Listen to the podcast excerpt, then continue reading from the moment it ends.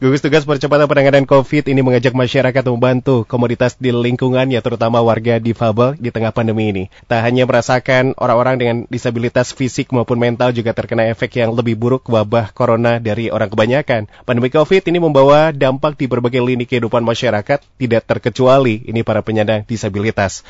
Kesulitan yang dirasakan kaum difabel ini tersebut dalam kegiatan bermobilitas, di antaranya mendapatkan pendamping, akses ekonomi, dan juga layanan terapi. Dan mengenai pembahasan berikutnya, informasi selengkapnya mengenai kondisi psikis orang dengan disabilitas di masa pandemi COVID-19 akan langsung dibahas bersama narasumber kami di segmen ini. Dan sudah terhubung melalui sambungan telepon bersama Dr. Anda Danti Sugiarjo, psikolog dari Yayasan Mata Hati Indonesia. Halo Ibu Danti. Ya, halo. Sehat Bu? Alhamdulillah. Alhamdulillah. Lagi di mana ini kalau boleh tahu? Saya lagi WFH. Berkegiatan di rumah ya Bu Danti ya? Iya betul. Sudah berapa lama Bu WFH? Ah, sebetulnya oh, ini ya setengah-setengah sih kegiatan. Jadi, Oh, jadi 50 persen Di rolling ya Bu? di Betul. Baik, terima kasih ya. Ibu Danti menyempatkan waktu untuk kesempatan hari ini bergabung bersama kami di Fit Radio Bandung dan akan membahas mengenai kondisi psikis orang dengan disabilitas di masa pandemi ini. Eh, berkenan untuk menjelaskan apakah kondisi pandemi COVID juga mempengaruhi teman-teman kita, teman-teman disabilitas secara psikis, Ibu Danti. Iya, ya sebetulnya kalau bicara kondisi pandemi, relatif sebetulnya apa yang dialami oleh teman-teman disabilitas sama kan dengan yang dirasakan ya Hmm. oleh teman-teman yang dikatakan non disabilitas. Mhm, mhm. Ya, yang utama sebetulnya mungkin dampak-dampak psikis terkait dengan tadi ada rasa takut, Iya. terancam ya, terutama dari sisi kesehatan, kemudian ada rasa cemas yang juga mungkin lebih tinggi ya dibandingkan sebelumnya. Kemudian ada perasaan-perasaan terkurung biasanya ya, kemudian akhirnya berdampak pada gangguan-gangguan stres. Mhm. Salah satunya sebetulnya karena tadi mungkin ya mobilitas kita relatif terbatas kan. Tidak saja teman-teman disabilitas, tetapi juga kita semua terbatas dan di situ ternyata terdampak dari sisi ekonomi ya. Mhm, mhm. Nah, mungkin kondisi itu yang relatif cukup banyak berdampak secara psikologis. Baik. Gitu. Baik, terima kasih Ibu Danti pemaparannya. Jadi memang secara menyeluruh ini tidak memandang siapa pun begitu ya di tengah pandemi Mm, ini, terutama untuk uh, rekan-rekan atau teman-teman kita yang disabilitas. Biasanya uh, untuk kondisi saat ini yang memang sudah terjadi di Indonesia kurang lebih hampir setengah tahunan, begitu ya Bu Danti. Apa saja dampak yang mungkin Ibu Danti juga sama rekan-rekan di Yayasan Mata Hati Indonesia pun Mm-mm. Ini bergerak begitu ya. Selama kurang lebih eh, setengah tahun ini apa saja yang sudah dilewati Bu? Mungkin bisa dibagikan. Ya, oke, mungkin begini terkait dengan tadi terutama dampak ya, secara ekonomi ya. Mhm. Itu ada ada hal-hal khusus yang memang kita lihat mungkin terkait dengan skill yang dimiliki oleh teman-teman Ya. disabilitas yang kebetulan akhirnya punya pekerjaan di wilayah-wilayah terapi dan jasa pijat misalnya. Mhm, mhm. Nah, ini termasuk yang paling terdampak ya. Dan bahkan mungkin area sekarang secara ekonomi yang paling akhir dibuka juga kan pekerjaan-pekerjaan yang memang ada kontak fisik. Mhm. Nah, itu salah satunya kemarin kita sempat adakan lah ya beberapa kegiatan sebetulnya dengan teman-teman disabilitas ini. MHI sendiri kan sebetulnya punya wadah ya, Kang Regi. Iya. Kita punya wadah rutin rumpi, jadi ruang mimpi dan ilmu ya. Jadi di sana kita memang mengadakan kajian, kemudian sharing, baik pengetahuan maupun keterampilan. Nah, tapi karena COVID ini akhirnya kita pakai online gitu, modelnya webinar dan sebagainya. Tetap kita lakukan eh, sharing-sharing yang terkait dengan mungkin bagaimana kesiapan kita secara kesehatan, kemudian secara psikis menghadapi kondisi pandemi ini. Jadi ada beberapa tema yang kita angkat juga. Kemarin salah satunya mungkin terkait dengan psikis tetap happy di masa pandemi. Nah, kita sempat bahas itu juga ya. Jadi bagaimana teman-teman disabilitas bisa mengelola kondisi psikisnya untuk tidak terus terpuruk dalam kondisi ketakutan dan kecemasan Iya. gitu ya. Kemudian juga ada sharing-sharing dari ya mungkin para pengusaha yang memang bisa kemudian menularkan keilmuannya, pengalamannya untuk kemudian teman-teman ini berkembang. Jadi tidak terpatok pada jasa yang kemarin mereka lakukan saja dan Mhm, sekarang mhm, ini mhm. terhenti. Mhm. Nah, yuk kita cari ladang baru lah ya ceritanya. Begitu kira-kira nih Kang Regi. Baik Ibu Danti, terima kasih. Lalu tentunya ya dalam hal ini secara umum, secara general, bagaimana cara mengatasi dampak psikis yang dirasakan oleh teman-teman disabilitas di tengah pandemi ini, Bu? Ya, gini, salah satu hal sebetulnya yang membuat kondisi psikologis itu makin makin buruk ya kita sebut makin buruk yeah, itu iya. ketika yeah. orang memang membatasi diri yang berlebihan. Jadi saran kami memang, nah ini beruntung untuk teman-teman disabilitas yang tergabung dalam sebuah komunitas ya. Jadi keterhubungan dengan orang lain, uh, dunia di luar itu masih bisa uh, dia lakukan ya sehingga informasi kemudian tadi peluang-peluang di luar sana dia dapat informasinya. Dan tadi mungkin saran saya itu jangan mengisolasi diri.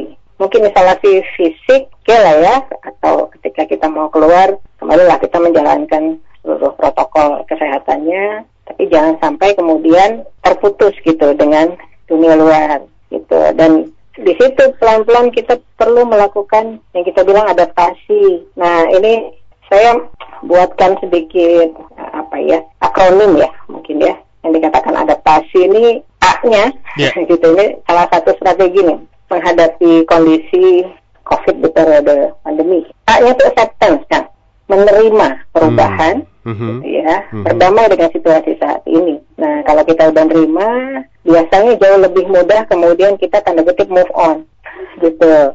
Kita mau ngapain setelah ini kan gitu ya. Yang kedua pasti eh, disiplin nih D-nya disiplin mengikuti protokol kesehatan sehingga mungkin kita sendiri merasa aman baik untuk diri kita maupun untuk orang lain ya. Yang ketiga A-nya. Akui kemampuan diri. Nah ini yang mungkin banyak kita coba ajak teman-teman disabilitas mengenali kembali potensi-potensi yang ada dalam dirinya sehingga kalau kita lihat juga banyak sekali ya teman-teman yang akhirnya menemukan jalan baru lah ya untuk kemudian memperbaiki kondisi ekonominya sebelumnya mungkin belum dia kenali gitu. Tuh. Pertahankan koneksi. Nah, P-nya nih, pertahankan koneksi dan komunikasi dengan orang terdekat, percaya. Nah, ini fungsinya banyak sebetulnya mulai dari bisa memberikan support secara psikologis atau juga tadi ya, kita bisa dapat informasi dan terbagi ilmu nih. P-nya tadi berkaitan sama koneksi, ada keterbukaan ilmu pengetahuan ya kita lihat banyak peluang dan adaptasi otomatis dengan proses-proses digitalisasi ya nah ini mungkin ada dorongan di mana kita memang tanda kutip sekarang ini dipaksa gitu ya untuk memanfaatkan digitalisasi dan otomatisasi ini dengan terkait dengan IT-nya. Nah ini juga saya pikir cukup banyak media-media dan sarana yang bisa kita manfaatkan yang sifatnya online juga. Itu dua hal yang terakhir senyum. senyum ini ternyata membangkitkan uh, energi positif ya dalam diri sehingga ada optimisme dan itu yang ternyata membuat kita relatif lebih tenang menghadapi situasi walaupun penuh dengan tekanan. Yang terakhir iman dan imun I-nya nih. Jadi insya Allah ya dengan meningkatkan imunitas dan keimanan kita, nah ini mau kita bisa melalui kondisi ini dengan baik, bahkan hasilnya bisa jadi lebih baik dari kondisi kita sebelumnya. Baik, itu tentunya apa yang disampaikan oleh Ibu Danti, begitu ya Bu ya. Uh, dalam uh hal yang tadi telah disampaikan, tentunya kan memang memiliki kesulitan tersendiri ya. Uh-huh. Poin apa uh-huh. saja yang mungkin uh, agak sedikit sulit begitu dibanding dengan poin-poin lainnya, Bu? Uh-huh. Yang mana nih? yang tadi yang disampaikan oleh Ibu Danti. Uh-huh. Hmm, apa saja yang mungkin menurut pandangan Ibu sendiri agak sedikit lebih sulit begitu dalam pelaksanaannya, Bu? Oh, oke. Okay. Uh-huh. Ya, mungkin yang utama menggali potensi diri itu nggak mudah. Oke, okay, baik. Gitu ya. Hmm. Mungkin potensinya ada, akhirnya peluangnya, nah gimana nih? Nah itu ya, tapi kita tetap perlu menanamkan satu optimisme gitu ya, bahwa selalu ada jalan. Dan bahkan dengan optimisme itu kadang-kadang justru kita yang membuat jalan gitu. Gitu dan intinya semua orang ingin survive ya, Kang Regi ya. Dan kan kita sering dengar nih, bakatku butuh. ada bakat, bakatnya kebutuh.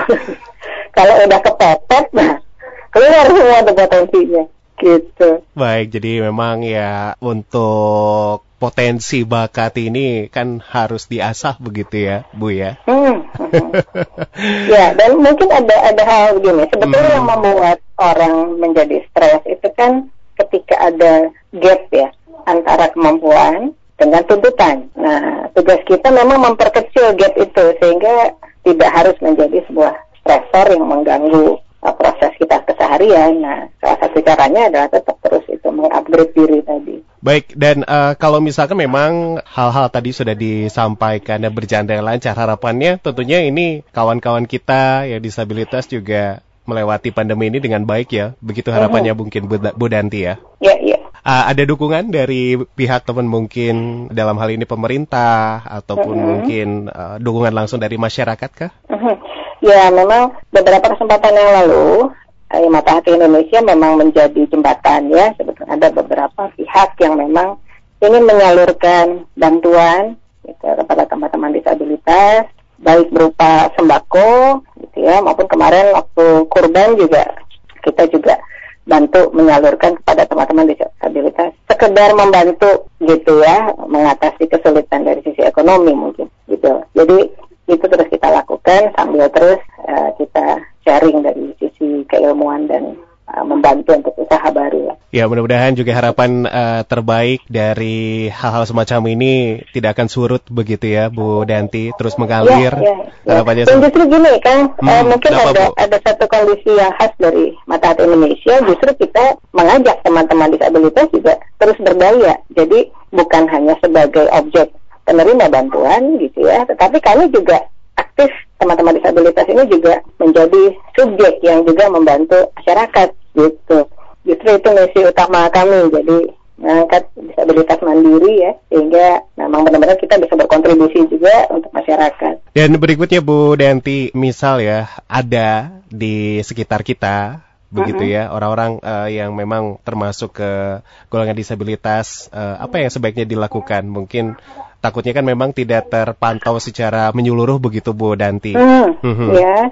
Ini apa yang harus kita lakukan sebagai masyarakat? Iya, sebetulnya melaporkannya salah satunya melaporkan keberadaan teman-teman disabilitas yang memang belum terbantu. Mangga bisa melalui kami juga di Mata Hati Indonesia. Kami terus merangkul sebetulnya. Jadi terutama di wilayah-wilayah yang memang jarang ya kemudian tersampaikan adanya bantuan atau mungkin pengembangan apalagi mungkin kalau sekarang beberapa usaha kami dilakukan memang dengan prosesnya online. Nah beberapa di wilayah juga kadang-kadang agak masih terbatas nih dengan fasilitas itu. Mangga nanti boleh menghubungi nomor telepon saya juga.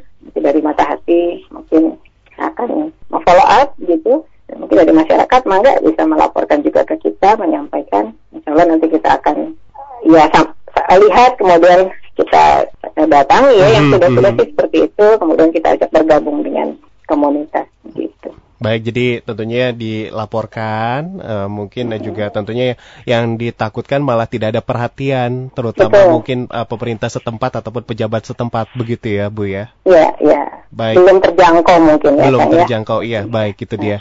Nah, Bu Danti mungkin bisa sekali lagi jelaskan support apa yang dibutuhkan oleh teman-teman disabilitas di kondisi seperti ini, Bu. Hmm, ya, support yang utama sebetulnya membersamai dalam proses adaptasi tadi, kan, gitu. Jadi si kita mungkin tadi ya informasi di mana mereka bisa bergabung dengan komunitas, kemudian ketika kita ada di teman-teman di sekitar kita, ya idealnya kita segera lah ya mendekat pada mereka untuk kemudian bisa membantu kira-kira apa yang memang bisa ya atau dia butuhkan gitu ya mungkin itu kita bisa coba bantu. Nah yang utama sih sebetulnya seperti itu keterbukaan juga gitu dari teman-teman disabilitasnya untuk kemudian menyampaikan Baik itu support real begitu ya, dukungan yang hmm. nyata. ya betul. Ya. Baik Bu Danti, tadi mungkin sedikit saja sudah diulas sebetulnya ya uh, di awal. Uh, untuk Yayasan Mata Hati sendiri saat ini memiliki kegiatan yang dikembangkan untuk teman-teman disabilitas selama hmm. pandemi, atau mungkin ada program juga yang akan dilaksanakan uh, mungkin di sisa bulan tahun 2020 ini, Bu hmm. Danti. Iya, tadi ya beberapa program yang sudah rutin memang kita lakukan, tetap kita lanjutkan. Salah satunya tadi ada rumpi tadi, memang tempat kita sharing uh, mimpi-mimpi kita dan pengetahuan dengan kita memang mengundang beberapa narasumber yang memang kompeten di bidangnya, baik untuk dari sisi tadi meningkatkan ekonomi, kemudian pengawalan kondisi fisiknya, kesehatannya sudah ada juga dokter kopi ya. Kemudian dari sisi psikisnya juga juga dari teman-teman ini banyak dari sesama disabilitas juga yang ternyata punya pengalaman dan kemampuan yang luar biasa untuk di-sharingkan pada teman-teman yang lain. Itu terus kita lakukan walaupun bentuknya online nih saat ini ya kemudian berbagi sembako insya Allah kita lanjutkan juga ya mungkin ke depan rencana kita memang mungkin ada mini-mini workshop kembali uh, yang akan kita coba gelarnya lebih lebih praktis ya mungkin ya walaupun sifatnya juga mungkin masih online atau offline dengan jumlah kelas yang terbatas ya mudah-mudahan itu jadi sarana untuk teman-teman menemukan alternatif usaha baru lah ya kita tetap bisa survive untuk menghidupi secara ekonomi. Amin, amin. Itu, kan. Baik, Bu Danti terima kasih. Kita ke pendengar, ini sudah ada yang bergabung bersama kami melalui WhatsApp di 081121029948. Ini juga tentunya mengenai uh, ini katanya Bu Danti saat ini ini ada tetangga saya yang disabilitas namun tentunya tidak ada perhatian. Apakah memang ini bisa dilaporkan secara langsung yeah. ke yayasan-yayasan yang mungkin seperti Ibu Danti ini? Ya, boleh, boleh, Kang di daerah mana mungkin uh, dijelaskan saja. Mm-hmm. Boleh nanti saya share nomor WA saya. Yeah. Nanti bisa saya lanjutkan ke apa di teman apa di yayasan. Mm-hmm. Mm-hmm. Mungkin jenis disabilitasnya apa, mungkin secara spesifik wilayahnya di daerah mana gitu okay, ya. Oke, baik, baik. Kalau ada nomor kontak juga boleh nanti disampaikan. Dan perihal mengenai domisili sendiri ini uh, ada ketentuannya atau persyaratannya Bandung atau di seluruh Indonesia sebetulnya untuk Yayasan Mata Hati ini, Bu? Mm-hmm. Sementara ini memang sebetulnya kita tidak membatasi, Kang. Mm-hmm. Walaupun memang wilayah pelayanan kita masih seputar Jawa Barat ya. Baik.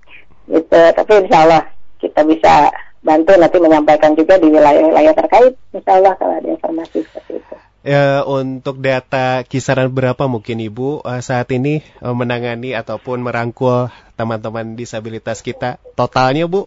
Total ya, ya ini sebetulnya setiap kali kegiatan beragam, mm -hmm. tapi rata-rata sih kalau saya melihat kita juga bergabung dengan beberapa komunitas yang lain. Iya. Mungkin rata-rata sekitar antara lima puluhan ya, mm -hmm, mm -hmm. yang sering kali memang dalam ini kita kegiatan ya ya 50 sampai 100 itu relatif ya bergerak di antara itu. Baik, ada berikutnya ada Mas Budi di Pasteur. Apa ada klasifikasi khusus untuk disabilitas tertentu yang bisa dibantu, Bu? Oh enggak, enggak. Gini, awalnya uh, Mata Hati Indonesia ini bergerak hanya untuk netra ceritanya. Tetapi sepanjang perjalanan waktu, kemudian kita juga bertemu dengan teman-teman disabilitas lain dan komunitas lain, akhirnya kita berkolaborasi saja, Kang berkegiatan itu. Jadi kita tidak membatasi bahkan untuk kategori fisik dan mental, insya Allah semuanya kita coba uh, ajak ya bersama untuk uh, berkembang. Baik itu dia Mas Budi, terima kasih di Pastor yang telah bergabung bersama kami dan juga Bu Danti terima kasih ya telah menanggapi interaksi dari pendengar pada kesempatan hari ini dan uh, tidak terasa kita berada di penghujung. Bu Danti uh, berkenan untuk menyampaikan closing statement silakan. Oke. Okay. Iya, mungkin untuk teman-teman dan mungkin untuk semua pendengar ya. Yang pertama dalam kondisi seperti ini, kenali diri, kelola apa yang kita miliki, ya, karena hal itu yang betul-betul hanya yang bisa kita kendalikan.